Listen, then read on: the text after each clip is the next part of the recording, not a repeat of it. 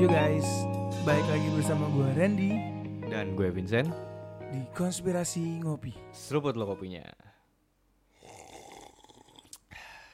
Starbucks nih bre Weh, jangan dong. Kenapa nggak boleh ya? Ya menurut orang Indonesia tidak Oh, boleh sih. oh gitu. Karena secara terang-terangan Starbucks itu katanya ngedukung Sama Israel Israel. Iya iya iya Udah berarti ini aja kopi kenangan aja berarti kopi kenangan, Iya, kopi iya, asli iya. Indonesia. Iya kalau kalau nggak kopi kapal karam Ya kan Tapi Iya. kalau gue sendiri, Hmm. ya sebenarnya kalau ditanya gue masih minum Starbucks apa enggak, Nah. gue dari dulu jarang minum Starbucks karena mahal harganya. Iya sih benar Jadi gak berpengaruh juga di gue. Gitu Iya kan. iya nggak nggak nggak nggak ngaruh juga Kalau McD gimana bre? McD gue masih beli sih. Aku masih beli Enggak karena menurut gue gini sih. Iya. Iya oke lah McD-nya misalnya McD yang di US gitu ya, Ah, buat ah. statement seperti itu. Tapi Ah. yang di Indonesia kan pekerjaannya orang Indonesia juga. Iya iya gitu. kalau sampai bangkrut McD makin banyak orang Bener, sih. bener. Maksudnya kita, nih eh, kita kan udah susah gitu kan. Sekarang lagi lagi masa sulit gitu. Masa sih karena hal yang seperti ini yang di mana kita harusnya kita mengerti state of mind kita tuh mengerti bahwa ini adalah peperangan elit politik ya kan? Yang sebenarnya nggak ada hubungannya sama sekali gitu dengan pekerja-pekerja kita yang harus nantinya bakal jadi pengangguran kalau misalnya kita di boykot. Dan Yes. ini real bre. Maksudnya gue tuh ngelihat tetangga gue kan ada ada ada juga tuh yang kayak kerja di McD di rumah kan bre at the end. Di rumah kan? Hmm. ini serius ini serius. Gue ngomong literally Hmm. serius. Maksudnya di rumah kan jadi uh, shift shiftannya bukan shift shiftan dalam satu hari shift shiftannya tapi dua hari sekali masuknya jadinya Oke karena penjualannya ya. karena kok sepi Iya iya. dan iya. emang ngeri juga pada nungguin di depan oh I see, gitu I see, I see. jadi ya sebenarnya maksudnya kasihan lah teman-teman kita gitu Iya karena kan orang Indonesia juga. Iya. Tapi balik lagi ya maksudnya ini tergantung preferensi masing-masing sih. Iya, Jadi tergantung perse- kalaupun perspektif teman masing-masing. ngopi masih mau beli McD atau enggak, itu ya, terserah itu kalian, terserah kalian, kayak gitu gitu gitu sih Nah, Bre, hmm, hmm. Ini di noise banyak nih komen-komen yang masuk. Oh gitu Iya, khususnya terkait episode kita yang Palestina Israel. benar benar First of all kita mau say thanks lah untuk Ya. teman ngopi dan teman-teman yang ada di Noise ataupun Spotify yang udah dengerin kita, benar memberikan feedback baik itu positif atau negatif, itu kita Yes. senang banget sih. senang banget senang banget Hmm. paling enggak kan maupun negatif atau positif intinya lo ngedengerin itu dulu Benar. dan gue seneng sih Benar, gitu benar. maupun negatif atau apa pun itu gue cuman jawab siap king ya kan Iya kan Nah. iya dong Sebenarnya sih nggak negatif juga ya, tapi ada Ah. beberapa reaksi gitu dari teman ngopi yang dia bilang, wah ini mah perspektif dari agama Kristen, oh iya gitu, tidak general. tidak general Iya. betul ya Nah menurut lu gimana? Kalau gue ya, kalau gue sih me- memandangnya ada benarnya juga, ada benarnya juga yang Hmm, dibilang hmm, gitu. hmm. Maksudnya, em, karena gini ya, kita kan kalau mau ngomong sesuatu itu kan mau nggak mau bre, kita ini punya latar belakang yang sama. Intinya itu. Jadi kita akan sangat mudahnya kita menyampaikan dari sisi pandang kita, dari latar belakang kita gitu bre, Hmm, yang kita pahami gitu Yes, yes, yang yes. di mana seandainya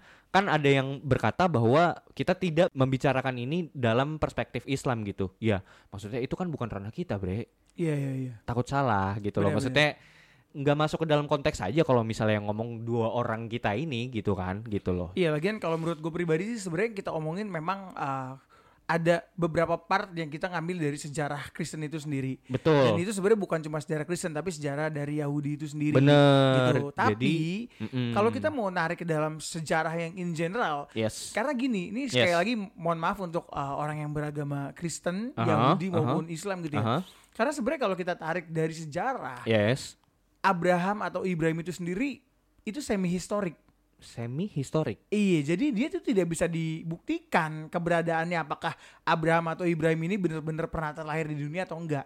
Kalau secara sejarah, makanya Oh ya? nanti kita masuk ini, Oh, ini mantap, ada mantap, mantap, referensi hasil buku itu sendiri gitu. keren Jadi keren keren keren ya Ibrahim itu tokoh yang Ibrahim atau Abraham gitu ya, Aha. tokoh bangsa Israel kalau menurut orang Kristen, yaitu terdapat ya di dalam kitab agama itu sendiri. betul betul Gitu, tapi dan diakui sejarah tidak. Ya, dan diakui oleh tiga agama besar samawi, which is Yes. itu faith. Yes, itu Tapi di sisi lain, di sisi lain dikatakan bahwa dari secara saintifik dan historik tidak ada satupun bukti arkeologis yang bisa benar-benar membuktikan orang ini benar-benar hidup atau tidak gitu. Ya kurang bukti lah intinya. Kurang bukti. Kurang evidence kalau kita tarik dari Secara- sisi sejarah. Secara saintifik. Ya. Ya gitu. gitu. Jadi Ya, ya, ya, ya, wajar kalau kita nariknya tuh dari hal yang kita ketahuin gitu betul kan. lah, betul. Gitu. Karena kan gimana ya? Kita kan meng- mengambil suatu referensi kan kalau misalnya sesuatu itu tidak ada dasar saintifiknya, ya mau nggak mau kita akan lari ke literatur dong.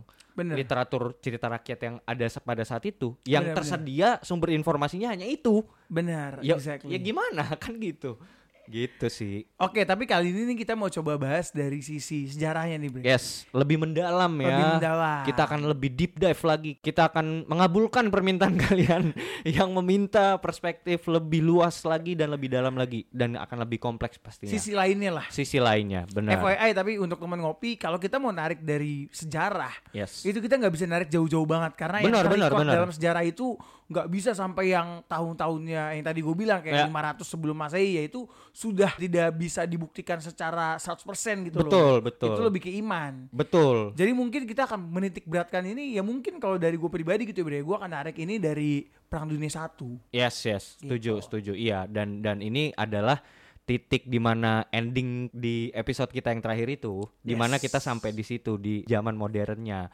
Artinya di sini kita akan membahas sisi historik dari sisi modernnya gitu. Oke, buat temen ngopi, gua harap lu mempersiapkan segala sesuatu gitu ya, Yes. seperti perut sudah kenyang. Yes. Takutnya kalian kalau perutnya kosong membahas Israel ini kan jadi Mm, mm. panas ya kan. Enggak, karena takutnya kalau misalnya kalian belum kenyang perutnya dan masih lapar, kalian tidak siap untuk menghadapi perang dunia ketiga, Bre. Wih, Kan katanya tanggal 27 November loh katanya. lagi nih. Eh, iya kan? Aduh. Jadi harus disiapin dulu perut kalian itu Nah, gitu. mau tahu kata siapanya? Oke. Pertajam analisa lo. Perkuat dengan Cocok cocok slogi.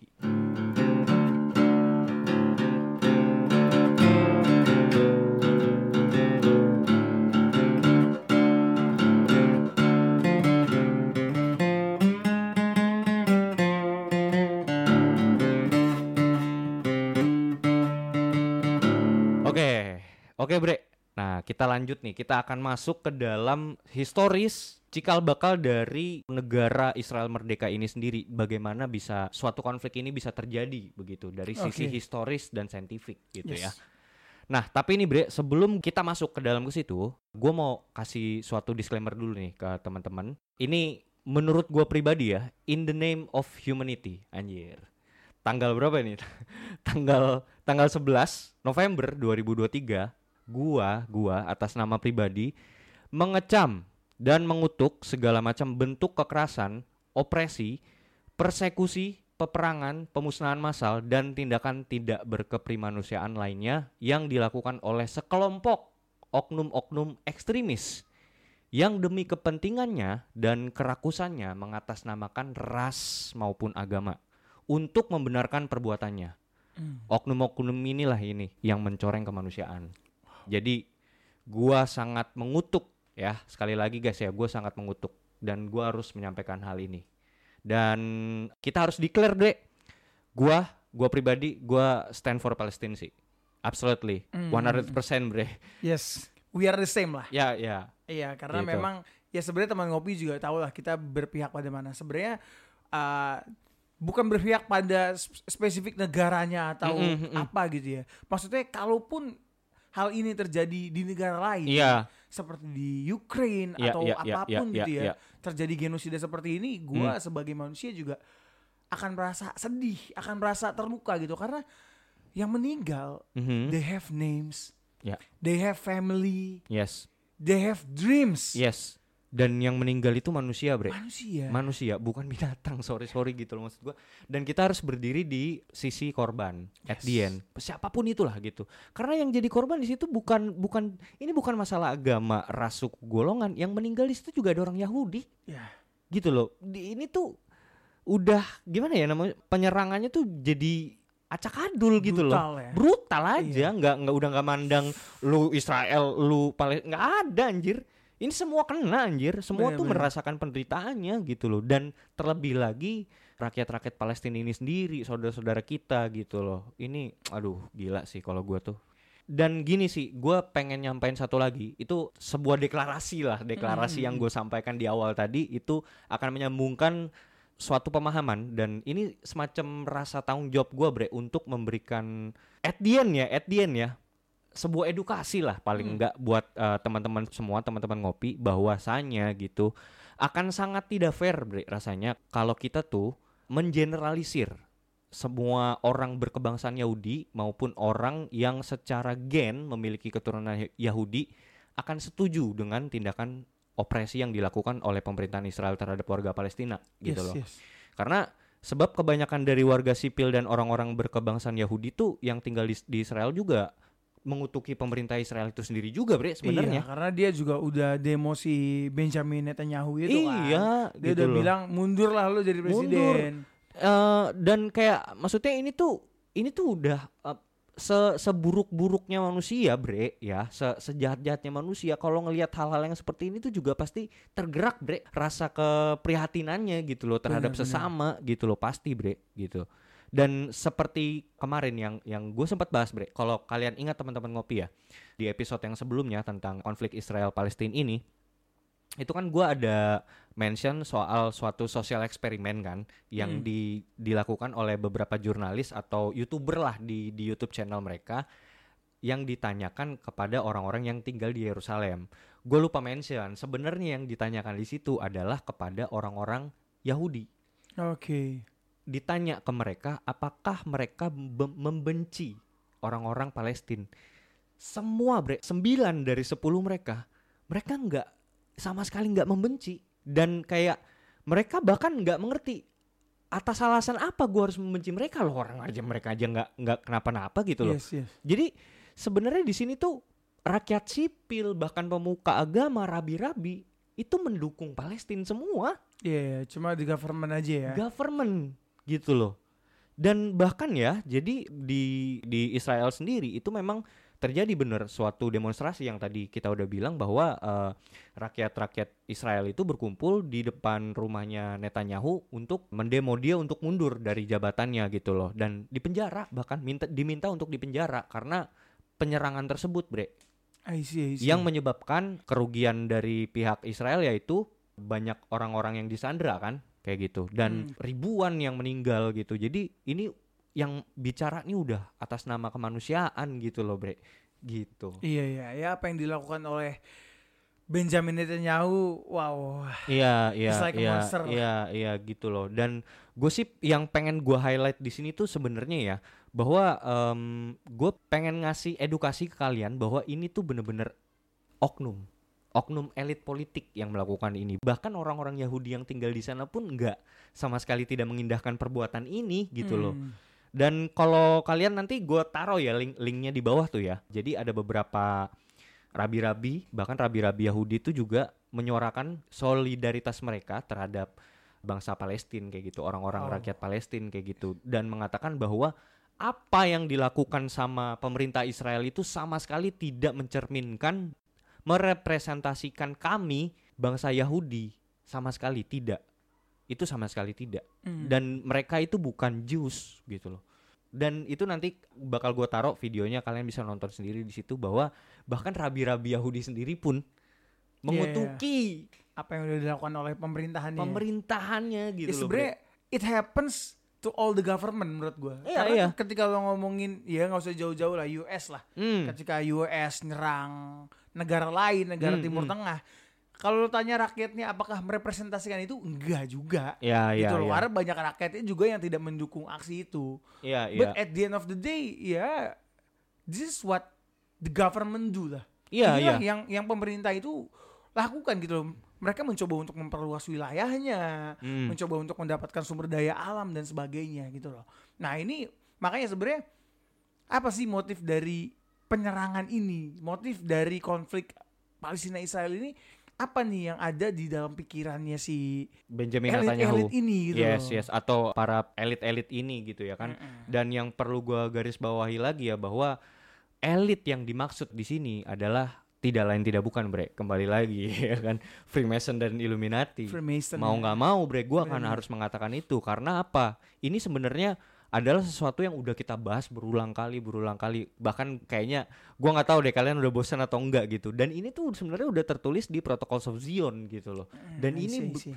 yang gue mau tekankan tadi adalah gue ingin mengedukasi kepada kalian. Kayak nggak fair rasanya nggak fair gitu kalau kita tuh mengatakan semua orang Yahudi tuh sama satu gitu. Hmm. kita mengeneralisir suatu perbuatan oh ini karena orang Yahudi nih makanya semua kita mengecam semua orang Yahudi. Enggak anjir orang-orang Yahudi pada nyatanya orang-orang rabi-rabi Yahudi juga ada loh yang berpihak pada bangsa Palestina ini Yes, gitu loh agree, dan agree, ini tuh yang Yahudi yang dimaksud di sini adalah elit-elit yang bahkan besarannya tuh paling cuma 2% dari ras Yahudi itu sendiri. Hmm. Biasanya tuh menurut gua ya orang-orang yang they have power aja. Jadi ketika Iya, iya, lo iya. punya power, it doesn't matter lu seberapa seberapa banyak lo gitu ya. Tapi Iya, ketika iya, lo iya, punya setuju. suatu power, lu bisa menggerakkan orang yang tadinya tuh tidak memiliki rasa benci jadi ikut berperang, Bro. Ya, lebih itu lebih tepatnya. Gitu. Itu iya, lebih jadi tepatnya. kayak dia ya control aja, control the control the population. the population. Iya benar. Jadi walaupun uh, jumlah mereka kecil sekalipun, tapi Hmm, mereka punya power di atas di situ dan Iya, karena mereka master plan lah. bener dan mereka-mereka inilah elit yang dimaksud. Nah di sini gue mau masuk nih bre, gue mau masuk ke siapakah elit yang dimaksud? Yang kita bahas di episode sebelumnya kan kita mengatakan elit, elit, elit, Mm, elit mm, politik gitu kan. Nah oknum elit politik yang kita maksud adalah mereka ini berada di bawah sayap Zionisme. Oke. Dan kita harus membedakan Zionisme itu bukan Yahudi. Zionisme itu berbeda dengan Judaisme. Judaisme itu kepercayaan, Zionisme itu ideologi nasionalisme Oke. dan ekstremis yes. dan rasis. Gue bisa katakan rasis gitu. Itu nggak ada bedanya sama nazisme, bre. Kayak gitu. Karena dia menganggap rasnya itu adalah ras yang paling unggul. Nah, gitu. Dan ditentang sama Rabi. Gimana dah? kan jadi beda dong. Iya iya iya. It's uh, two side of coin yang berbeda gitu loh, sama sekali berbeda. Kalian harus bisa membedakan itu gitu. Nah, sayap-sayap Zionisme ini mengatasnamakan diri mereka sebagai Yahudi. Nah, ini bangsatnya. Oke. Mengatasnamakan diri mereka sebagai Yahudi untuk membenarkan perbuatan mereka. Sorry, Yahudi itu kan bangsa kan? Eh, Zeus. ras, Iya. ras. Iya ras. Ya memang mereka memang ras Yahudi dong. Iya. Ras Yahudi tapi mereka yang gini loh. Jadi let's say misalnya uh, gua ras Jawa gitu ya. Gua ras Jawa yang gue berbaur dengan semua orang gitu. Ya, ya. Tapi ada mungkin yang merasa oh presiden pemerintahan semua tuh harus dari Jawa. Nah, gitu kan. Nah, mungkin si Zionis ini ya orang-orang seperti itu bahwa Hmm, hmm. orang-orang yang bisa besar yang harus mengontrol dunia itu adalah ya. ras Yahudi itu sendiri. Bener, bener. Dan mungkin lebih tepatnya gini, Bre. Orang-orang Zionisme ini, mereka ini tuh membuat seolah-olah mereka tuh berlindung di, di balik topeng Jews itu sendiri, di balik Hmm. topeng Yahudi itu sendiri. Tapi mereka Yahudi kan? Yahudi, Ya. Yahudi, tapi apa yang dilakukan tidak sepenuhnya merepresentasikan apa semua yang Yahudi. semua gitu. Yahudi Oke, gitu loh. iya, iya, iya. Dan rasanya kita tidak fair kan kalau kita bilang berarti semua orang Yahudi sama. Enggak. Iya, iya, iya. Gitu Paham, loh. paham, paham. Ada loh orang Yahudi yang tinggal di Jakarta tuh ada. Yes. Ada dan itu rabi dan dia tidak dia tidak mendukung apa yang dilakukan oleh pemerintah Israel as a Zionis ya. Mm-mm. Jadi gue bisa mengatakan pemerintah Israel ini beda. Pemerintah Israel ini adalah Zionism Oke. gitu. Gini deh bre, gampangnya gini. Lu melihat suatu oknum seorang oknum Kristen Oke. yang ngata-ngatain agama lain kayak gitu. Apakah dia merepresentasikan apa yang diajarkan dalam Kristen itu sendiri? Ya enggak lah, beda lah. Oknum kan? Iya. Sekali lagi siapa? Oknum. Jadi oknum gitu Tapi loh. itu kan lebih gitu loh. Kalau Kris- iya. kalau Kristen itu sendiri kan lebih ke agama ya.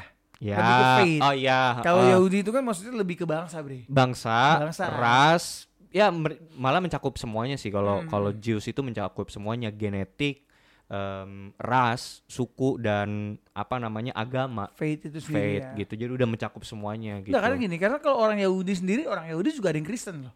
Ada, ada, iya, orang, ada. orang Yahudi pun ada yang Islam juga. Oh iya iya benar, gitu benar, loh. benar, benar. Jadi Genetik sih lebih Yahudi genetik. itu ya lebih menurut gua ya. Hmm. Kalau kita ngomongin Yahudi yang Zionisme itu ya lebih keras. So mungkin memang gini.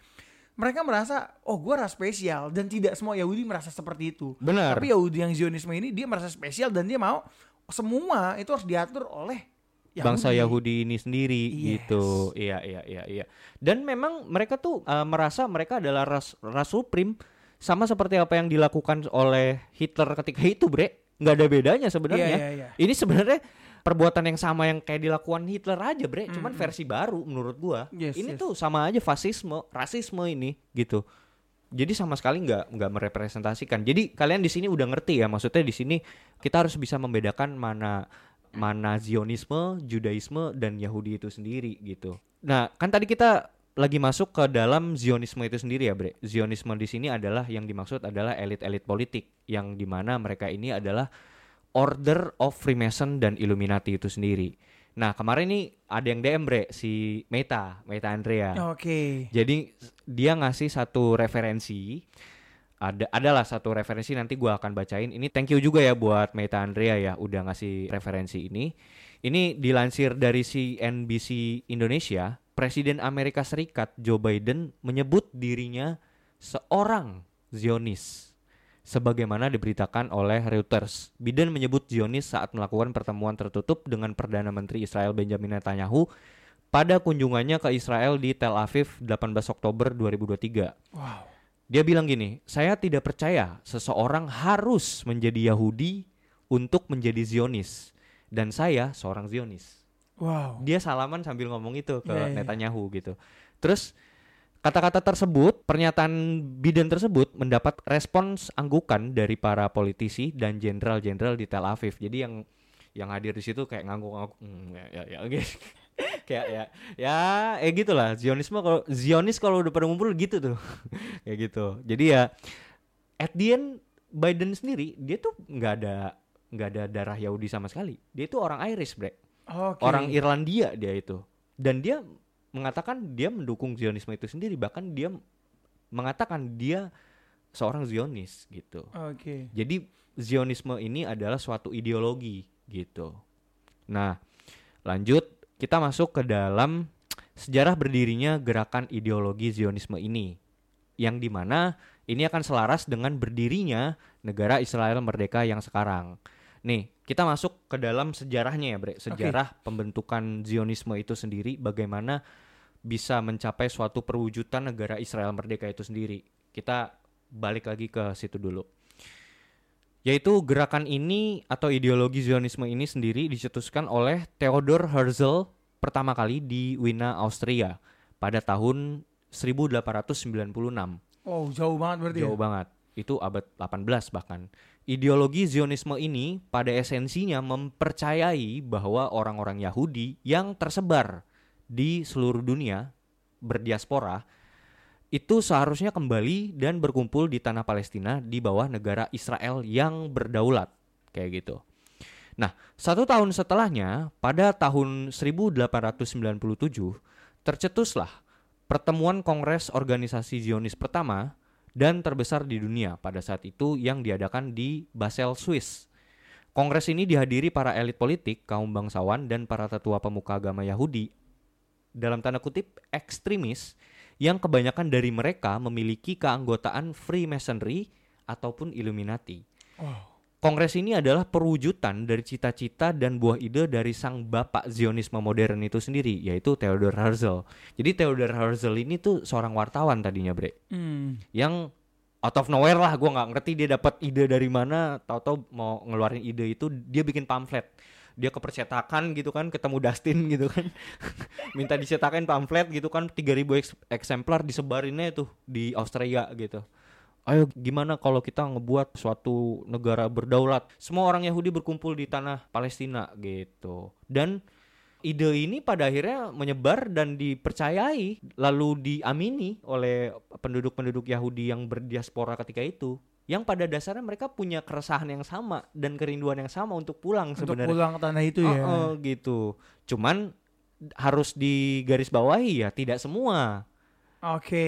Iya dong. Iya iya. iya. Pastinya kan ada ada orang-orang Yahudi yang udah PW dong, Bre. Benar benar benar. yang udah bodoh Tapi amat pada malah. saat itu mungkin di tanah Palestina ada orang Yahudi juga pasti. kan? ada, Iya, iya. ada. Kan nyebar itu kan bukan berarti di di sono kosong, Bre. Benar benar benar. Di sono ada juga. So gitu. mungkin minoritas lah ya. minoritas. Jadi bahkan ini tuh eh, orang-orang ekstremis lah, gue bisa katakan ekstremis, orang-orang yang memiliki pandangan terlalu ekstrim gitu.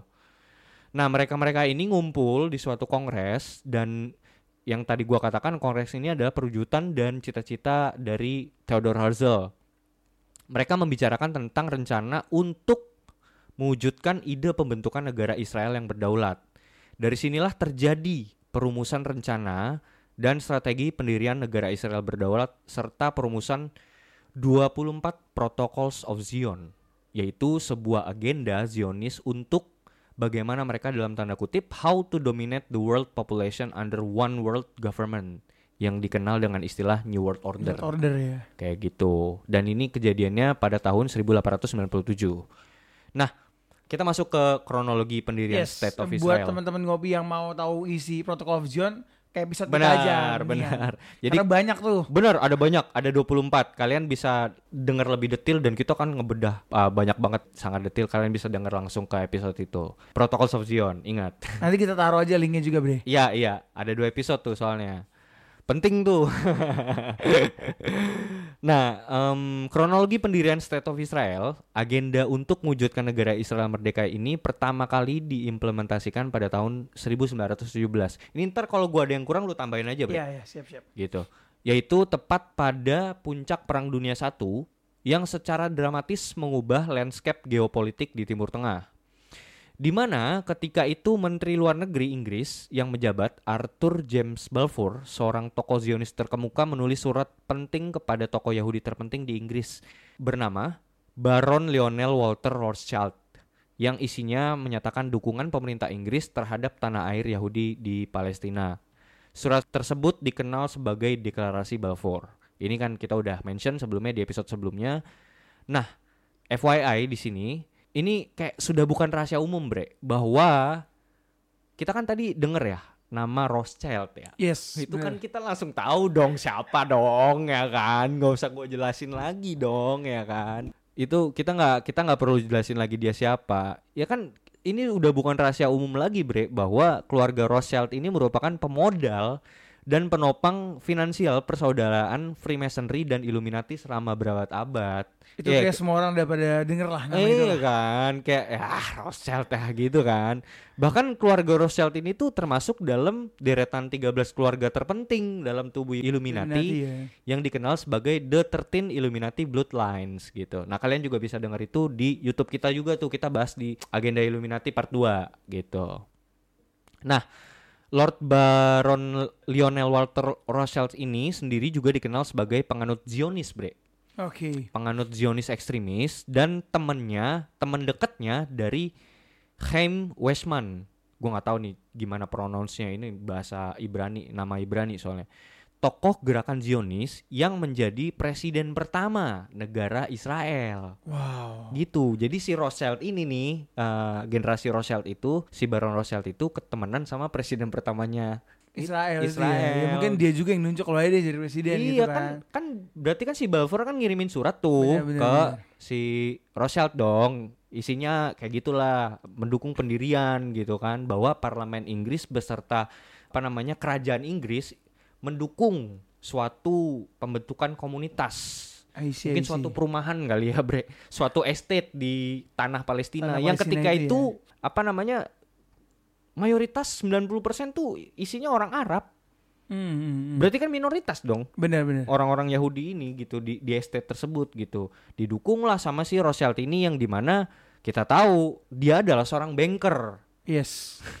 kita tahu dananya dari mana dong Dia punya duit dah. iya gitu udah gitu didukung lagi sama seorang Zionis terke- terkemuka namanya Chaim Weizmann tadi yang di mana nantinya kelak dia akan menjadi presiden pertama Israel, Israel, merdeka gitu Mungkin gue mau sedikit Hmm, tambahin hmm, ya. hmm. Sedikit tambahin. Jadi eh, mungkin orang akan bertanya kenapa sih Rothschild ini memegang peranan penting gitu ya, peranan penting. Hmm. Karena kan gini sebenarnya yang menang perang pada saat itu kan Inggris dan Sekutu ya. benar benar Perang Dunia Satu itu lawan terakhirnya itu eh, kalau nggak salah the Ottoman ya. Turki Turki. Iya, the- itu Ottoman namanya tuh Turki. Ottoman Turki kan. Benar, benar. Ottoman Turki. Jadi ini sebenarnya perang dunia satu itu adalah blok NTT itu ada Inggris, Prancis, Serbia dan Kekaisaran Rusia. Mhm. Itu melawan blok sentral. Oke. Jerman, Austria, Hungaria dan ter- ter- terakhir tuh bergabung tuh Turki Ottoman dan Bulgaria. Oh. Nah, Inggris menang nih. Oke. Dan ketika Inggris menang itu tuh akhirnya mereka membagi zona wilayah, Bre. Benar. Itu mereka membuat perjanjian namanya Sykes-Picot. Mhm. Sykes-Picot itu uh, membagi beberapa zona itu ada zona A, zona B, Mhm. dan zona kepentingan zona A itu dikuasai oleh Prancis. So- sorry. Iya, yang dibagi ini apa nih? Tanah. Tanah, tanah, Iya, tanah mana? tanah Arab lah. Oh, tanah Palestina itu. Bukan tanah Palestina. Oh, oke. Ada beberapa wilayah lah. Ada Iya, Oke. yang yang dimenangi saat saat perang itulah. bagi tanah, Yes. bagi hasil. Bagi wilayah lah. Oke, siap, siap. Nah, zona A Oke. itu dikuasai Prancis itu termasuk Suriah dan Lebanon. Zona B dikuasai Inggris termasuk Palestina dan Mesopotamia yang kini dikenal nama Irak. Ya, oke, Nah. benar. Terus ada namanya zona kepentingan. Itu tuh wilayah yang akan berada dalam pengaruh kedua negara ini, ber- berada di dalam pengaruhnya si Inggris dan Prancis. Nah, kan waktu itu Palestina berarti berada dalam kekuasaan Inggris kan? benar. Berada dalam kekuasaan Inggris. Terus si bangsa Yahudi ini Mhm. menekan Inggris untuk kasih tanah itu ke gua. Hmm. Gitu. Gua pengen buat perkampungan Yahudi lah. Perkampungan, ya. Kam- Perumahan-perumahan Yahudi. kampung Yahudi. Iya kan? kampung Yahudi.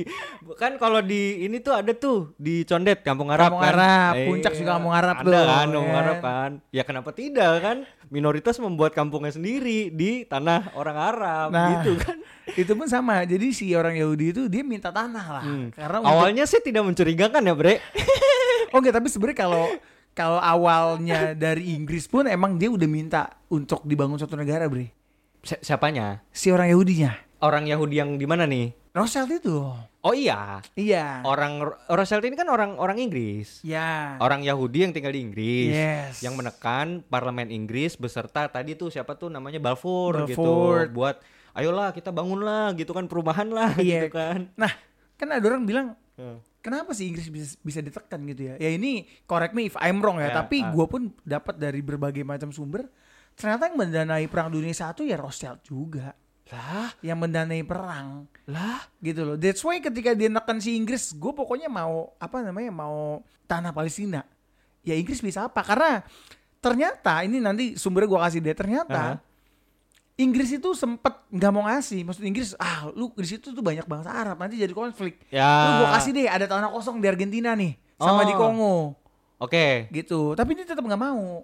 itu itu waktu zaman itu ya Waktu bahkan zaman zaman Hitler aja Hitler pernah ngasih satu pulau Mada- Madagaskar tuh Nggak pernah ngasih juga ya? pernah Hitler ngasih ya? juga Tapi si bangsa Yahudi nggak mau ya? nggak mau emang pengen udah pengen gue pengen di situ aja udahlah Iya. gitu. Nah itu ketika ditanya alasannya kenapa, sebenarnya alasannya pun untuk orang-orang parlemen Inggris tuh tidak masuk akal karena tidak make sense. Tidak make sense karena alasannya si orang Zeus ini orang Yahudi ini adalah gue pengen balik ke tanah perjanjian. Hmm. Jadi alasannya ini kembali kembali lagi ke iman ya. Iya alasannya itu agama yang menurut orang Inggris Sudah tidak relevan. tidak relevan coy gitu kan. Bener. Ini zaman apa sih? Revolusi Prancis sudah lewat coy. Ini udah udah zaman kapan coy gitu ya kan. Bener-bener. Progresif lah pemikiran gitu kan. Iya ya terus Nah, terus tapi karena si orang Yahudi ini beranggapan, oh enggak, nggak mau. menurut iman gua Mm-mm. tanah itu tanah dari sungai Efrat Ya. sampai dengan sungai, sungai Nil Ya. itu adalah tanah yang dijanjikan buat gua jadi gua pengen balik situ Hmm.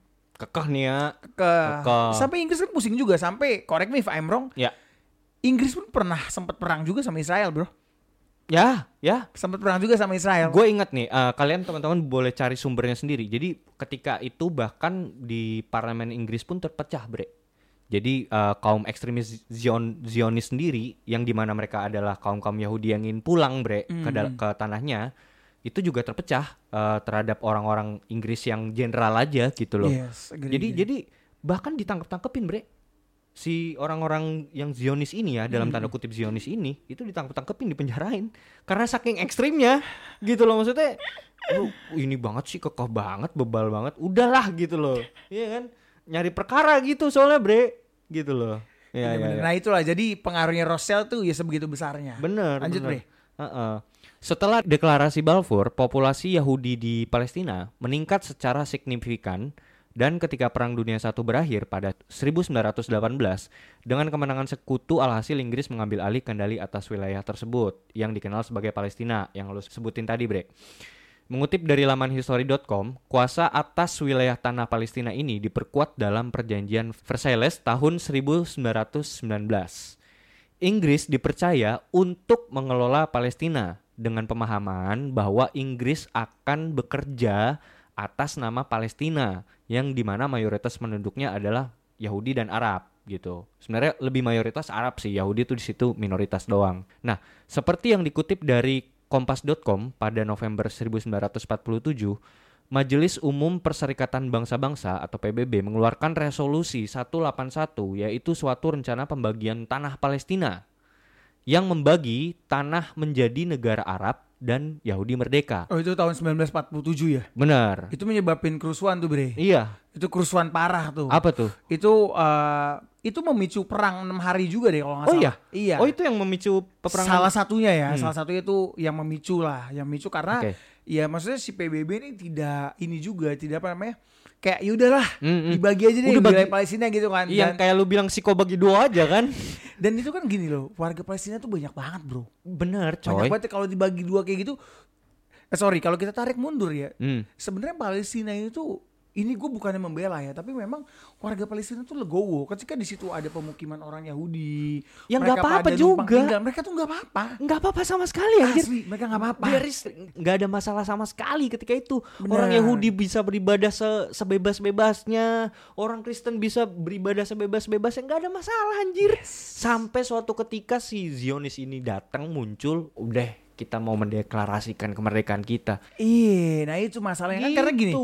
Memang nih kalau gue tarik ya 1923 sampai 1948 ya. Ah. Inggris itu mencoba memfasilitasi migrasi orang Yahudi ke Palestina. Ya, Nah, orang Israel berbondong-bondong tuh masuk ke Palestina di- Ya. dari mulai tahun 1920. Sebagian eh apa sebagai bagian dari pasukan Inggris yang mengambil alih wilayah Turki.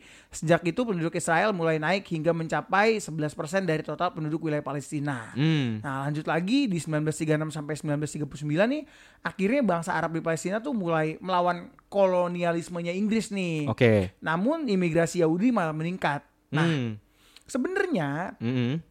migrasinya Yahudi ini kan makin lama makin meningkat terus. Benar-benar. Makin meningkat tuh sampai di tahun 1945 populasi Yahudi di Palestina tuh mencapai 30 31% dari total populasi dan terus membesar sebagai imbas dari Perang Dunia II di Eropa tuh yang gara-gara si siapa namanya Hitler. Hitler. Nah Iya.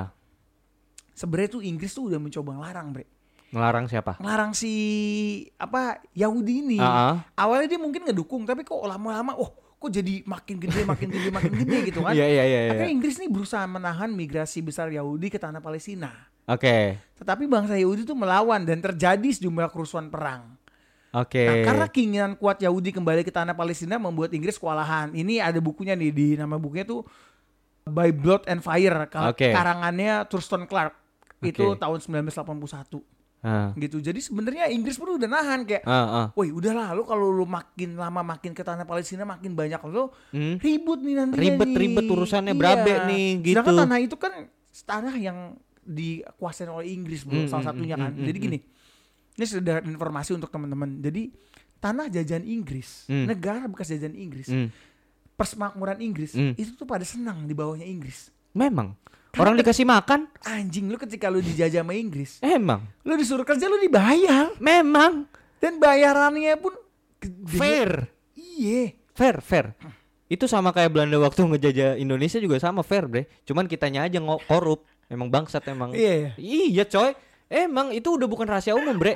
Jadi eh, ini ini ini mungkin jadi lari ya gue. Tapi maksud gue ini jadi komedi juga yang di mana waktu itu kita mengatakan kita dijajah 350 tahun di, dijajah oleh bangsa Belanda, kita kerja nggak dibayar. Enggak, Bre. Sebenarnya dibayar ya. Iya, yang nilep palura Oknum-oknum. palurahnya. Iki orang kita Iya, iya, juga iya. anjing. Jadi bego aja kita, kitanya juga yang bego Iya, iya, gitu. Tolol. Inggris itu tuh bener-bener baik Fair. banget bahkan Ah, ini correct me if I'm wrong Scotland kalau nggak salah ya Scotland itu mereka bilang udahlah jangan mem- jangan merdekain gua gua tetap anjir lo aja nyaman. Iya. PW, PW. Bener, karena memang apa yang dilakukan Inggris tuh memanusiakan manusia. Oh. That's why Inggris tuh ketika si Israel tuh makin lama makin neken makin Iya, banyak, iya, iya. merasa risih juga bre. Kayak lah, jangan lah, jangan lah. Benar benar Gitu benar. loh, benar. karena Inggris tuh mau tetap ngejaga ya supaya warga-warga yang bekas jajannya dia tuh bahagia. Tetap makmur. Makmur. Makanya kan namanya apa? Persemakmuran. Makmuran. Persemakmuran, bukan penjajahan. Iya, iya dong. Bener bener bener. Bener kan? Dari namanya sendiri tuh persemakmuran dan itu benar-benar diimplementasikan, Bener-bener. dijalani, dimakmurin masyarakatnya gitu seperti eh, Seperti zaman Pak Jokowi inilah. kena ya Kita mau betul betul Pindah ke IKN. IKN buat siapa? Tidak tahu. Hmm. betul buat ini bre buat bangsa ini Ilu- mana? Illuminati Enggak, enggak, enggak. Ya buat Indo orang Indonesia, Indonesia, lah. ya. Iya gimana sih? Indonesia yang kaya. Aduh. Saya tidak tahu lagi. Ya gitu bre. Jadi Heeh. karena ya memang orang Yahudi ini tekadnya kuat banget ya kayak ya gue juga nggak tahu ya. Heeh. Mereka sebenarnya mempelajari apa tapi kayak mereka tetap kekeh tanah itu adalah tanah yang dijanjikan. Benar. Tapi tapi sorry ya, gue mau harus kembali lagi gue garis bawahi. Ini adalah imigrasi yang besar yang didorong oleh para sebenarnya bisa dibilang tuh mereka dikomporin bre. Mau nggak mau gue harus bilang kayak gitu. Mungkin ada sebagian besar orang-orang yang em, tidak setuju dengan pemahaman itu ya bahwa orang-orang Yahudi itu harus kembali ke tanahnya lagi. Tapi karena terdoktrin gitu loh bre Hmm, terdoktrin dan apa ya ya dicuci otak lah oleh para petinggi-petinggi Zionis itu yang ketika itu berdekatan dengan parlemen Inggris yang di mana mendorong orang-orang Yahudi dan seluruh eh, bangsa di dunia dan bagaimanapun caranya itu yang sudah tertulis caranya strateginya secara sistematis di dalam protokol South Zion kalian harus dengar episodenya gimana caranya mereka tuh mengompori orang-orang Yahudi yang di seluruh dunia ini untuk berkumpul di tanah Palestina itu sendiri Benar, gitu loh agree, agree. gitu Yes. lanjut Nah lanjut tadi ya yang setelah 1947 PBB itu kan. Kan kita tahu lah at the end of the day 1948 Mhm. berdiri benar the State of Israel. State of Israel negara Israel merdeka Setelah pengumuman Israel merdeka itu tuh banyak terjadi kekerasan. hmm. Nah terus banyak juga desa Palestina tuh dihancurin. ya Dan peristiwa itu tuh disebut Nakbah lah. oh Peristiwa itu ya kayak semacam musibah gitu bre. oh, Musibah oh. untuk bangsa Palestina. iya iya iya iya Eh, Sebenarnya ya hal ini gila sih memang the power of uh, Zionis ya. Zionist itu pengaruhnya luar biasa besar di Inggris, Yes. di PBB. Iya. Jadi bahkan orang-orang yang tidak setuju pun akhirnya tuh kayak mengiyakan, Bre. karena diopres bre ngerti nggak diopres Iya, iya, iya. ditekan lu kaki lu diinjek gimana Bener, bener, diinjek bener. ngaku nggak lu ngaku nggak lu ngaku nggak lu ya kan ya mau nggak mau ya udah dah dengan terpaksa at the Bener. end lu tadi eh, kita kita sempat baca tadi soal referensi tadi ketika gimana kita brainstorming ya kan Mesir bisa mengakui ya karena dia opres untuk mengakui dipaksa gitu loh bre Nah, itu kan makanya setelah apa namanya kemerdekaan itu konflik berkepanjangan terus berlanjut, Bre. Hmm. Sampai pada tahun 1967, Hmm. 5 Juni, nah ini yang kita tahu juga lah bersama bahwa di situ ada yang disebut namanya Six Day War, Hmm. perang enam hari. Mhm. Yang di situ melibatkan bangsa Arab, Mhm. itu ada Mesir, Mhm. ya kan, ada Suriah, Mhm. ya even Palestina juga untuk menyerang Israel. benar benar Tapi memang gila sih Israel Hmm. tuh sekuat itu, Bro. iya ya karena memang dia di- ditopang oleh bangsa-bangsa US, iya. US Mm-mm. Rusia Rusia itu sendiri Jerman juga dukung gitu loh jadi kecil-kecil cabai rawit ini negara kecil nih tapi yang dukung abang-abangannya gede Banyak ya yang dukung Iya. ya. Nih sorry nih gue mungkin mau tambahin satu suatu informasi ya untuk me- menekankan sekuat apa Mhm. si State of Israel ini gue tambahin sedikit itu pada beberapa hari setelah pendeklarasian kemerdekaannya Chaim Weizmann tadi yang terpilih sebagai presiden pertama itu sebagai tokoh kunci pendirian negara Israel ini dikirim ke Washington. Ini beberapa hari setelah deklarasi kemerdekaan ya 14 Mei 1948 oleh para pimpinan Zionis. Cabut lo sono lo ke Washington gitu untuk melakukan pembicaraan penting dengan Presiden Harry Truman. Wow. Intervensinya juga menghasilkan pengakuan Amerika atas negara Israel yang baru diproklamasikan dan pemberian pinjaman sebesar 100 juta dolar. Wow. Jadi Israel dipinjemin duit. dipinjemin Dikasih duit, dana ya. dikasih dana, abis merdeka nih kan, cara membangunnya gimana? Minjem dulu gitu Hmm, dari. US. Ya, udah ketahuan lah dekingannya siapa gitu kan. Dan juga pada bulan September 1948 di gua lanjutin Ham Westman ini diangkat menjadi presiden Dewan Negara sementara. Lalu pada bulan Februari 1949 dia secara resmi terpilih menjadi presiden negara Israel pertama. Itu juga karena berkat bantuan dari Harry Truman itu sendiri, Bre. Untuk Oke. berdiri dan menjadi presiden Israel merdeka pada saat itu, gitu. Hmm. Lanjut, Bre. Iya. Kalau gua uh, fokus terhadap perangnya gitu ya, Hmm, yang hmm, setelah hmm. itu terjadi benar. perang segala macam. Jadi gini, Ya. sebenarnya yang diinginkan oleh si Zionis ini, Ya, oleh Israel ini adalah kembali menempati tanah perjanjian. Benar. Ini FYI teman-teman, tanah Ya. perjanjian itu luas banget, Loh, mem oh, iya iya. luas banget. Luas luas, Cok. Dari kan tadi di- eh, disebutkan dari Sungai Nil ya. Lah Sungai Nil itu sung- tengah-tengahnya Mesir, Cok. Iya. Tengah-tengahnya Mesir sampai ke Sungai Efrat. Sungai Efrat itu sampai ke tanah Mesopotamia, Cok. Irak.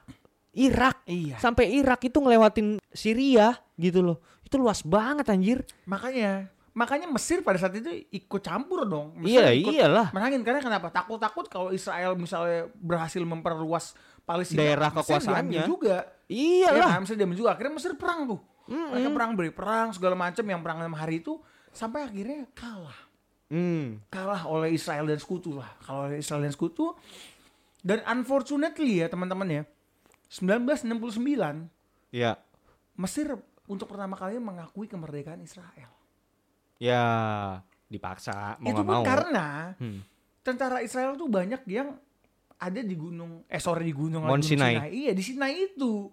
Jadi si Yang di mana itu wilayah Mesir. Mesir dan Benar, itu benar. ya mereka membuat suatu perjanjian lah. Ya gua kurang tahu isi perjanjiannya tapi intinya setelah Mesir mengakui itu tentara Israel cabut dari situ, Bre. Iya, iya, iya, benar-benar. Gitu. Ya mungkin karena Mesir takut juga nih, takut wilayah diambil nih. Wah, gua kalah, wilayah gua kena nih. Mhm. Gitu. Hmm, Nah, bukan nggak mungkin nantinya ketika wah ini amit-amit ya. Mm-mm.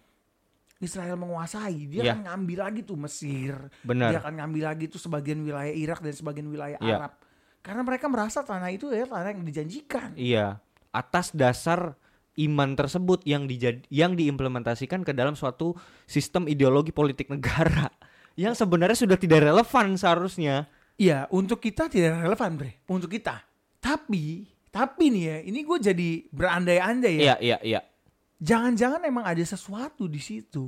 Hmm. Entah itu- Some kind of energy atau apa pun itu ya. ya, ya, atau apa pun ya, itu ya. yang mengharuskan mereka kayak gue harus dapetin ini. Mhm. Karena ini adalah puncak dari segala kekuasaan. Oke. gitu loh karena gini loh sekarang kalau kita ngomongin masalah relevan loh orang-orang Zeus itu pasti kepintaran di atas kita bro Benar, apalagi elit-elit global benar. Ya, Dan itu jelas. Iya dan itu Ah, jelas banyak founder itu semua orang Yahudi, bre. You name it, Mark Yes. Zuckerberg. yes dan mereka kepintarannya tuh gila kan Hmm, ya. sorry orang- Albert Einstein tuh Juice man. yes dan sorry apakah orang-orang pinter ini bisa dibodohi dengan agama kalau mereka tidak percaya agama ini benar Setuju, setuju. jadi setuju. mereka kekeh di situ menurut gua mereka tuh kayak mencoba mencari sesuatu peninggalan entah itu Oh. peninggalannya Salomo Hmm. peninggalannya Musa atau siapa pun Hmm, itu hmm, hmm. yang memang ada di Holy Land itu di tanah suci itu. Oke, berarti di sini kita akan masuk ke dalam tujuan sebenarnya dan the final purpose of the Zionist itself. Bener gak? Yes. Oke. Nah, Motifnya apa sih? Motifnya Maksudnya gitu apa? Kalau orang ngomongin tanah perjanjian, tanah perjanjian, tanah perjanjian, weh, udahlah. iya, udah udah buset itu berapa ribu tahun yang lalu, cowok? 3000 tahun Iya. yang lalu, udahlah Dan gitu. itu pun ya sekali lagi mohon maaf untuk orang Kristen, untuk orang Yahudi, untuk orang Islam gitu ya. Kalau secara sejarah pun itu belum bisa dibuktikan. Heeh. Itu kan masalah keimanan. Benar. Apakah imannya si orang Yahudi ini Bisa- begitu luar biasa? Ah, ah, sampai kelihatan gitu iya, kan. atau mereka punya suatu catatan sejarah yang semua orang nggak punya selain mereka. Iya, iya, iya. Oke. Nah, jadi sebenarnya itu tuh tertulis, Bre, di dalam protokol of Zion. Iya, iya, iya. iya. jadi bahkan pun nih ya. Jadi sebenarnya the real purpose of Zionism itu sendiri adalah mendirikan negara Israel merdeka di tanah Palestina untuk membangun kembali bait suci ketiga kalinya kan udah rubuh kedua kali kan Mm. gitu.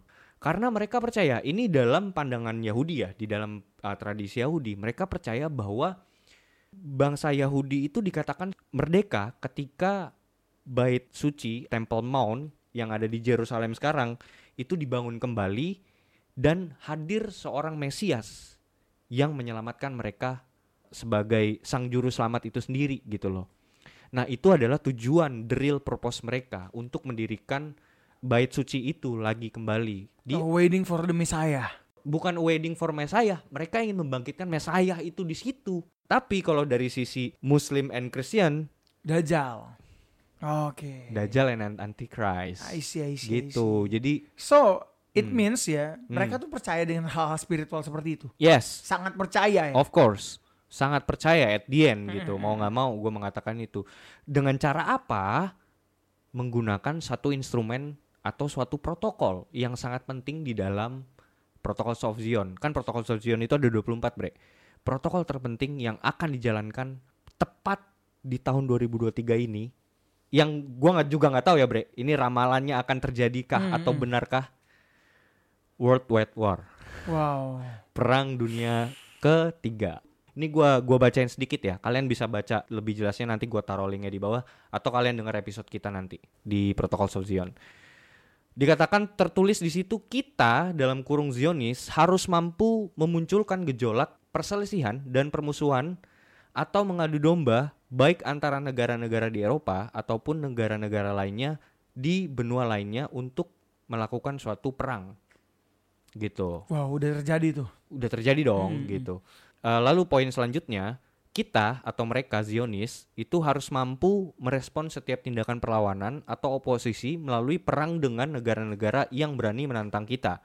Bahkan jika diperlukan maka kita harus dapat mempengaruhi dan mengadu domba pemimpin-pemimpin negara untuk menciptakan universal war atau worldwide war atau perang dunia ketiga di tanah yang akan kita kuasai yang di mana tanah yang akan mereka kuasai adalah tanah yang dijanjikan itu Hmm, hmm, hmm. yang yang berpusat dan bersenter di Masjid Al-Aqsa Wow. gitu Temple Mount Temple Mount kompleks Masjid Al-Aqsa dan Temple Mount dan itu adalah fokus mereka ternyata bre that's the real fokus dari Zionisme itu sendiri ya. Iya, iya, iya. iya. mereka percaya pemimpin ini Zionisme mempercayai Mesias itu sebagai pemimpin politik loh jangan salah loh Oke. pemimpin politik ya, pemimpin politik yang akan memimpin negara Israel sebagai negara adik kuasa yang berdiri dan berdaulat di atas semua negara di dunia.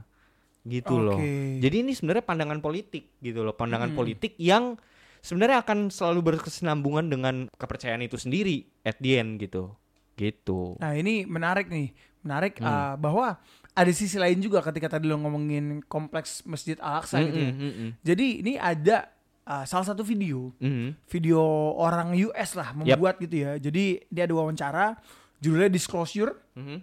Nanti gue taruh linknya ya, bisa gue taruh linknya.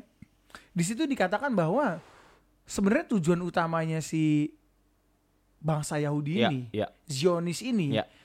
itu untuk menguasai Masjid Al-Aqsa. Masjid Al-Aqsa yang di mana uh, itu Temple Mount. Iya, karena katanya Mhm. di situ tuh terdapat the unlimited sources of energy. Terdapat energi yang begitu besar yang tak terbatas, yang tak terhingga, yang katanya bisa menghidupi satu dunia. Wow. Ya, bahkan piramid katanya akan bisa digerakin dengan energi itu. Jadi itu kayak semacam ancient civilization lah. Wah anjing. Gitu. Ada ya bre ya?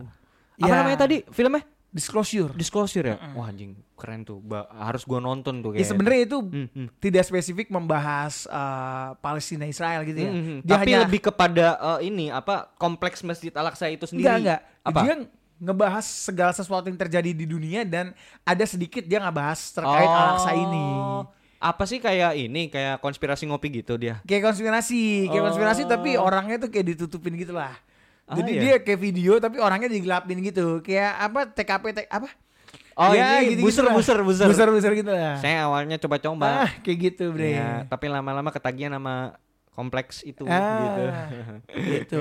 Jadi Iya, iya, iya. ya kayak gitulah. Jadi Ya, ya, ya, konon katanya memang di Masjid Al-Aqsa ini adalah sumber energi terbesar dan gua Oh. sempat ngobrol ke salah satu teman Hmm, kita yang hmm, muslim. hmm, hmm, hmm. Gue tanya, "Bro, Ya. emang bener gitu emang ya bener gitu. Hmm. Terus dia bilang, oh sebenarnya terbesar itu bukan di Al-Aqsa, Al-Aqsa, katanya di benar. Ka'bah. betul Menurut teman betul gue yang muslim ini betul. untuk teman-teman ngopi yang muslim juga mungkin kalau gua salah bisa dikoreksi ya. benar benar benar Nah, tapi katanya memang Nabi Muhammad sendiri pernah Isra Isra Miraj Miraj tuh, Di terbang situ. sampai langit ketujuh benar melalui Masjid Al-Aqsa. benar di tanah itu Di, sana itu. tepat di gunung itu kan dia bentuknya bukit bre itu Temple Mm, Mount mm, mm. kayak gitu ntar gua bakal detilin kok kayak Iya, gitu iya, di iya. situ tapi yang yang jelas di situ yang menarik lu bilang di situ ada suatu energi suatu energi Anjir. yang bahkan bisa menggerakkan piramid. Gila gila cok gila cok. Dan tapi ini dia spesifik gak sih? Tapi gue beneran harus nonton sih. Tapi sebelum gue nonton lu kasih gue sedikit trailer deh. Itu tuh energinya spiritual kah? Atau ya energi gitu loh secara saintifik gitu. Atau Bot apa sih? lah, bot lah. Sebenarnya kan ketika lo ngomongin energi gaib pun itu kan bisa dijelaskan Oh, secara iya metafisik. juga sih ya iya, iya. Iya. Ya, metafisik lah ya Iya. apa pun itu lah ya Bener, bahasanya bener. ya. oke oke Semua tuh kan energi yang kita bahas lah. Ya ini mungkin suhunya Om Hao gitu kan. ya Dia udah menjelaskan lebih- secara detail lah benar. bahwa ya bahkan setan pun energi, Bro. bener bener bener Gitu. energi energi kumpulan energi Nah, bener. ini energi yang manusia zaman ini belum pernah lihat katanya. Jadi ini energi yang gila Hmm. banget di situ deh. So mereka tuh kekeh mau dapetin itu. Oh iya eh, tar dulu gue jadi jadi keingetan. Bahkan kan Freemasonry sendiri officially itu dibangun karena apa yang ditemukan dari kompleks itu di bawah tanahnya. Book of Solomon kan? Book of Solomon. Kayak gitu. Book of Solomon tuh ditemukan di bawah kompleks itu yang tadinya kan itu kan em, tempat bait suci yang dibangun oleh Salomo kan Mm, mm. yang di mana ternyata buku Testament of Solomon itu dan uh, Seven to Sigils of Solomon itu ditaruh di bawah situ bre Asli, dikubur di bener. situ cok ditemukanlah sama si Jacques de Molay pemimpinnya Yes, Freemason, ah, Freemason. pemimpin Knights of Templar ketika itu yang apa nih gitu kan dipelajari lah ya kan akhirnya dia mendirikan Freemason gitu Dan gue yakin ya, gue yakin ah, ah. itu buku-buku yang ditemuin tuh kayak the Kayaknya- book of life, the book of Mm-mm. government, lu cara ngatur, cara Iya. membuat pemerintahan, membuat mata uang segala macam. Jadi itu book of everything, bro. atau ini ini asumsi liar ya atau jangan-jangan itu perpustakaan pribadinya Solomon bre Eh, iya, iya, iyalah. Pasti, bre. perpustakaan pribadi seorang yang paling bijaksana di dunia. Lu Makanya bayangin anjing di Makanya itu gua rasa semua buku ada. Iyalah, Semua buku. That's why kayak Freemason nih kayak anjing gua tahu semuanya lagi. Ya karena knowledge dari si Solomon. Yes. Makanya di di Freemasonry sendiri sangat mengagungkan sosok Solomon itu sendiri, Bre, Benar. sebagai the grand architect. Dikatakan gitu. Makanya ya tidak heran sih. Iya ya. Tapi sangat menarik itu, sangat menarik. Nah, gua mau masuk ke dalam kompleks itu ya. Ini kalau kita membicarakan kompleks Temple Mount itu di mana tempat Masjid Al-Aqsa itu berdiri, di atas semuanya sebenarnya konspirasi Zionis untuk menguasai kompleks ini, para Zionis ekstremis dalam usahanya untuk mewujudkan negara Islam merdeka adalah agar dapat menduduki dan menguasai wilayah tanah tempat berdirinya kompleks Masjid Al-Aqsa atau the Dome of the Rock. Tempat dulunya berdirinya Bait Suci Yerusalem dibangun oleh Raja Salomo untuk menaruh tabut perjanjian atau the Ark of the Covenant. Jadi intinya Zionis tuh mau banget tanah itu. Yang di mana hari ini bre, itu sekarang secara status quo itu dikuasai oleh badan organisasi Islam Hmm, Oke. gitu yang di mana sebenarnya itu tidak bisa di- diintervensi oleh pemerintah Israel Oke. karena diawasi oleh PBB iya dong jadi ya nggak bisa nggak bisa semena-mena karena semua mata tuh memandang ke satu titik fokus yang sama Hmm. gitu nah jadi kompleks Temple Mount ini adalah situs penting dan merupakan simbol ikon dan wajah bagi tiga agama besar monoteistik Yahudi, Kristen, dan Islam. Bangunan megah yang telah menjadi simbol kemuliaan Tuhan bagi umat beriman selama 3000 tahun dan tetap menjadi persimpangan tiga agama besar monoteistik. Tradisi Yahudi menyatakan bahwa ini adalah tempat di mana Tuhan mengumpulkan debu untuk menciptakan Adam dan tempat Abraham hampir menyembelih putranya untuk membuktikan imannya kepada Tuhan. Gila sesuci itu tempat itu, Bre. Iya. Sesuci itu Mereka tempat bersa- itu. berdasarkan faith ya. berdasarkan faith gitu. Yang di mana Raja Salomo menurut Alkitab membangun kuil atau bait suci pertama di puncak gunung ini sekitar tahun 1000 sebelum masehi. Namun kemudian dirobohkan dan dihancurkan oleh pasukan Babilonia yang dipimpin oleh Raja Nebukadnezar yang mengirim banyak orang Yahudi ke pengasingan. Lalu pada abad pertama sebelum Masehi, Herodes tuh memperluas dan mendirikan kembali kuil ini untuk yang kedua kalinya dan dibangun oleh orang-orang Yahudi yang baru pulang nih bre kembali dari tanah Babilonia gitu. Nah tepat di sinilah menurut Injil Yohanes Yesus Kristus tuh pernah marah-marah di situ bre. Oke. Pernah menghardik dan mengusir para Pedagang penukar penukar uang dan pedagang di Iya, iya, situ di gitu loh. Allah kan. Iya kan? Dan itu Dihancur-hancurin tuh. Iya, dan itu tertulis jelas di dalam Injil bukan dihancur-hancurin, berarti dibalik-balikin mejanya. Maksudnya yang Iya, iya. uh, uh, marah gitu, bukan bait sucinya dihancurin, bukan. Bukan, pedagang-pedagang ya, tahu Iya, gua. gitu. Dibalik-balikin. Jadi kayak lo ngapain bertransaksi berdagang di rumah Uh, bapakku. uh, ini rumah Tuhan bukan sarang penyamun Bener. gitu. Takutnya mereka mikirnya gimana gitu, Bre, gitu. Iya kan? Hingga akhirnya Jenderal Romawi Titus membalas dendam terhadap pemberontakan orang-orang Yahudi dengan menjarah, membakar dan merobohkan bait suci ini pada tahun 70 Masehi dengan hanya menyisakan tembok-tembok dan puing-puing saja sebagai bukti pernah berdirinya suatu kuil megah yang dibangun oleh Raja Salomo yang bijaksana yang kini dikenal sebagai tembok ratapan. Makanya kenapa bangsa eh, Yahudi, orang-orang Yahudi Ortodoks itu kalau datang di situ nempel di dinding nangis Hmm, hmm, karena hmm. meratapi bangunan itu Ah, ah, yang sudah bangunan hancur ya yang sudah kan? hancur yang sebagai itu kan ikon Yahudi ketika Bener-bener. itu gitu yang Bener-bener, dihancurkan gitu loh. Nah, lalu semenjak saat itulah kuil Salomo atau bait suci itu tidak lagi berusaha didirikan atau direnovasi kembali. Stop sampai di situ, Bre. Perubahan kedua kalinya gitu. Nah, bagi umat Islam sendiri, Temple Mount itu disebut Haram Al-Sharif atau tempat suci yang maha mulia. Tempat berdirinya Masjid Al-Aqsa yang dipercaya sebagai tempat di mana Nabi Muhammad melakukan perjalanan Isra Miraj ke surga. Masjid tersebut dianggap sebagai tempat suci ketiga setelah Masjid Haram di Mekah dan Masjid Nabawi di Madinah. Jadi jelas bre, ini tuh suatu tempat yang disakralkan oleh tiga agama Yes, Samawi yes. ini sendiri gitu loh. Yang di mana ingin dikuasai sepenuhnya oleh Zionisme ini Hmm. gitu. Iya mungkin dari something lah ada alasan yang Mm-mm. mereka mungkin hanya mereka yang tahu ya kenapa mereka ingin menguasai itu banget ya. Iya iya iya. Nah hingga saat ini situs ini tetap menjadi tempat ibadah yang aktif bagi umat Muslim. Otoritas yang mengontrol kompleks tersebut, sebuah dewan Islam yang disebut wakaf. Telah lama melarang penggalian arkeologi yang dianggap sebagai penodaan tempat suci sebagai upaya pelestarian situs bagi tiga agama besar tersebut. Namun sering kali situs ini tuh diterobos oleh oknum-oknum ekstremis yang tidak bertanggung jawab. Bahkan baru-baru ini terjadi suatu peristiwa yang terkesan opresif dan semena-mena, yaitu di mana otoritas kepolisian pemerintah Israel menutup total Masjid Al-Aqsa bagi umat Islam. Wow, kenapa Iya. tuh? Jadi waktu itu tuh dikutip dari detik.com, uh, polisi Israel menduduki Masjid Al-Aqsa di Yerusalem dan menutup total aksesnya bagi seluruh umat Islam. Informasi ini dilaporkan oleh layanan wakaf Islam setempat yang mengelola tempat suci tersebut. Dilaporkan Palestinian News dan Information Agency Wafa pada Selasa 24 Oktober 2023. Baru-baru ini, Bre. Polisi Israel melakukan operasi secara mendadak dengan menutup semua gerbang menuju kompleks suci tersebut. Selain itu, pihak Israel juga mem- memblokade akses masuk bagi seluruh umat Islam dari segala usia. Aksi tersebut berlangsung pada Selasa siang saat polisi Israel mencegah Muslim yang hendak memasuki Masjid Al-Aqsa untuk menunaikan sholat zuhur. Otoritas Israel dikabarkan sudah membatasi akses masuk ke Masjid Al-Aqsa ini sejak dini hari. Mereka hanya memperbolehkan para jemaah lansia untuk masuk. Nah, pada saat yang sama, polisi Israel justru membuka akses bagi orang-orang Yahudi fanatik, ekstremis, untuk memasuki kompleks suci ketiga umat Islam tersebut. Mereka dibiarkan untuk berjalan-jalan dan melakukan ritual peribadatan mereka dengan bebas.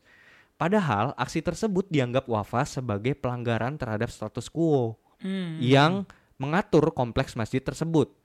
Status quo Masjid Al-Aqsa menyatakan bahwa masjid tersebut hanya dikhususkan untuk tempat peribadatan umat Islam saja.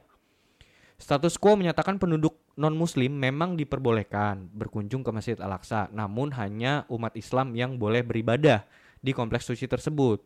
Tapi ada kaum-kaum ekstremis Zionis yang Malah masuk ke situ. masuk situ gitu ya. Malah melakukan peribadatan loh, Bre. Mm, Kayak mm, gitu. Itu kan melanggar Iya, gitu iya, loh.